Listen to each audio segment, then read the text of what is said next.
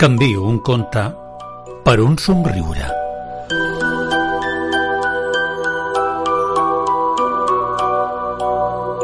Contes de Jordi Folk explicats per ell mateix.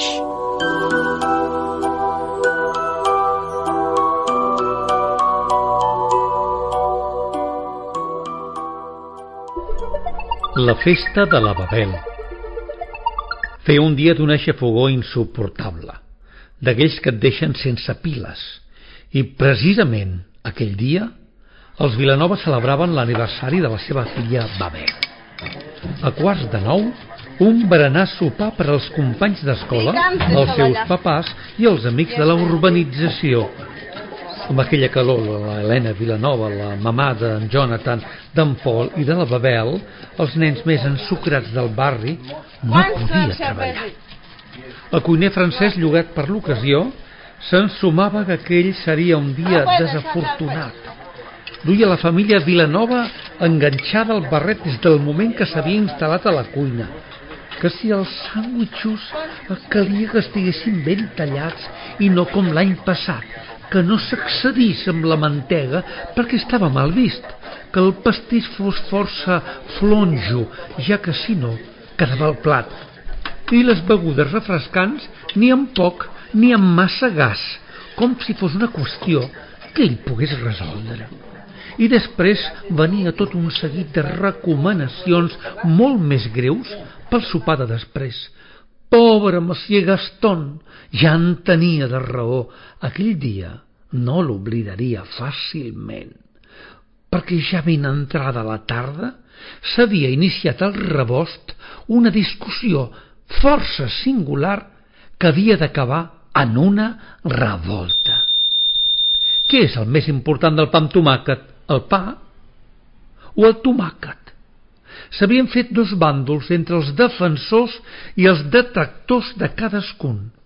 Un pa de pagès sense embuts i directe mantenia que ell era el més important, com ho eren també els fonaments dels edificis.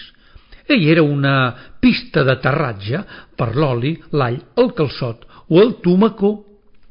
Una tomaca madura de bon veure reia de les pretensions d'aquell ignorant que només els pobres, deia, es menjaven el pa a seques, que ella era el color, el sabor i el suc de la vida i que, a més a més, no engreixava, que verda o madura guardava sempre les bones formes i no com d'altres que s'arruguen, va concloure entre els víctors del seu equip.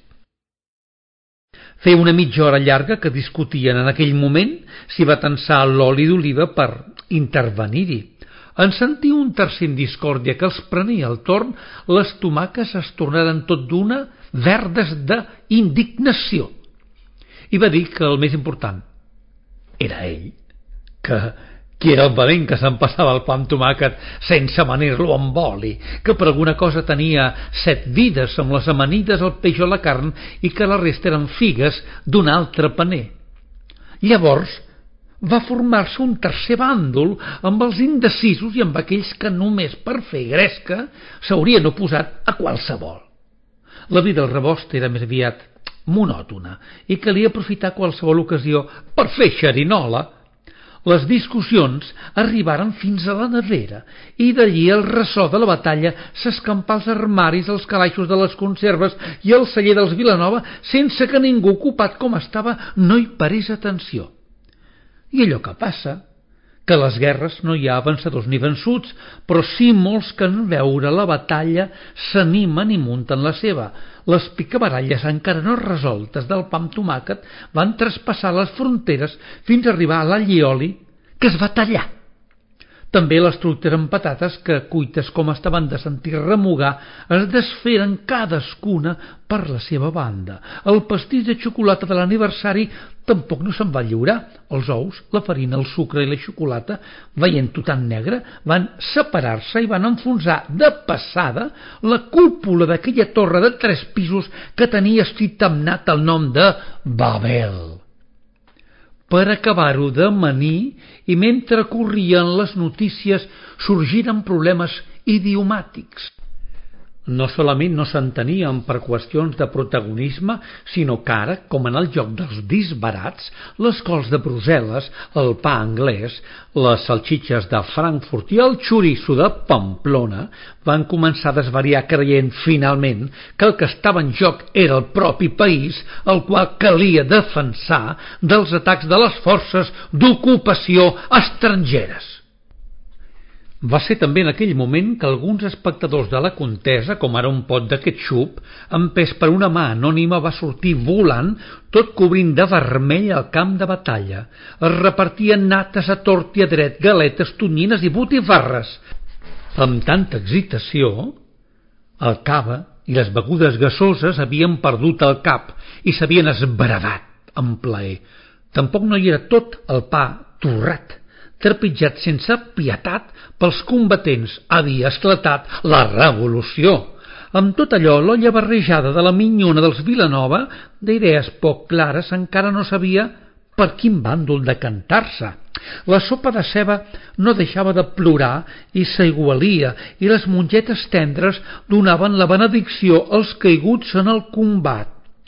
Algú havia tret l'assumpte dels additius i havia acusat uns pots de malmelada que eren poc naturals i que sempre anaven pintades, a la qual cosa havien respost fent rodar caps. Els llugurs egocèntrics, ja que es creien els nous reis de les postres, l'havien pres amb els gelats, els quals havien dit sorneguers que eren uns frescos. Aquests per portar la contrària, s'havien escalfat tant que ara geien desfets com en una bassa d'oli. Els dolços se'ls havia amargat el caràcter, les ametlles ensucrades eren llançades com búmerangs i els anissos com projectils. No hi havia qui ho aturés. Carxofa, bleda, fava, panotxa, moniato, els insults anaven en augment, tothom es discutia amb tothom, molts havien ja oblidat el motiu de la discussió, però tot i així continuaven repartint fent llenya dels caiguts i omplien les llaunes de conserva dels cadàvers dels companys. Xoriço! Bacó! Porc!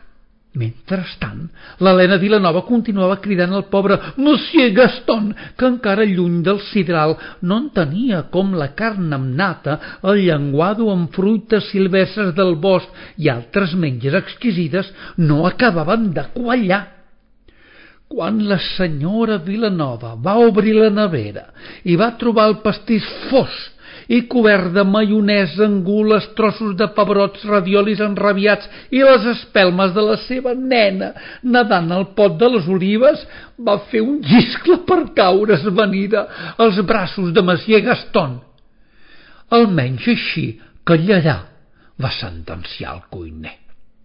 Van avisar el metge de la família, el qual va aconseguir reanimar-la amb una solució d'amoníac quan l'Helena Vilanova va tornar en si, rodejada dels seus familiars i al vell mig del terra de la cuina, va començar de nou a gisclar i amenaçar el cuiner amb el rodet de la pasta. En aquell moment, Monsieur Gaston va dir-li que en 35 anys de carrera per primera vegada es veia incapaç de complir amb la seva feina perquè, va remarcar, no l'havien deixat treballar al seu gust i perquè els ingredients, va afegir, no eren pas de primera qualitat, la qual cosa va concloure hauria impossibilitat de totes totes l'èxit del sopar i que en aquelles circumstàncies s'acomiadava que ja els enviaria la factura i que la senyora de la casa havia posat la darrera cirera del pastís i que au revoir als armaris de la cuina reinava el silenci més absolut. Per sort no quedava ningú en vida per sentir aquelles declaracions sobre la qualitat, perquè haurien estat motiu de reprendre la batalla, però aquesta vegada contra altres objectius. Quan l'Helena Vilanova va descobrir les restes de la guerra total que havia esquitxat els racons més ocults, va desmaiar-se de nou just en el moment que arribaven els convidats i que un xicot contractat per l'ocasió aparcava les seves sumptuoses carrosseries. El sopar se n'havia anat a Norris, ningú no havia sobreviscut. Els Vilanova vençuts van trucar a diversos restaurants de la contrada per encarregar el sopar. Un dissabte d'una nit d'estiu i per 40 persones, tregui-s'ho del cap, no ho trobarà, els havien respost. Dues hores més tard, sis motoristes uniformats descarregaven les pizzas i les llaunes de refrescos per tothom, amb l'alegria dels més petits. Aquella nit el tocadís del jardí sonava Mozart, malgrat que la parella hauria preferit un rock and roll. Potser l'any vinent s'hi atreviria, va dir-se, tot punxant el disc.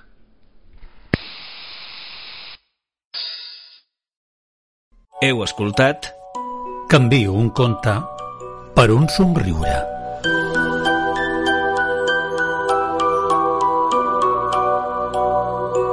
Contes de Jordi Folk explicats per ell mateix.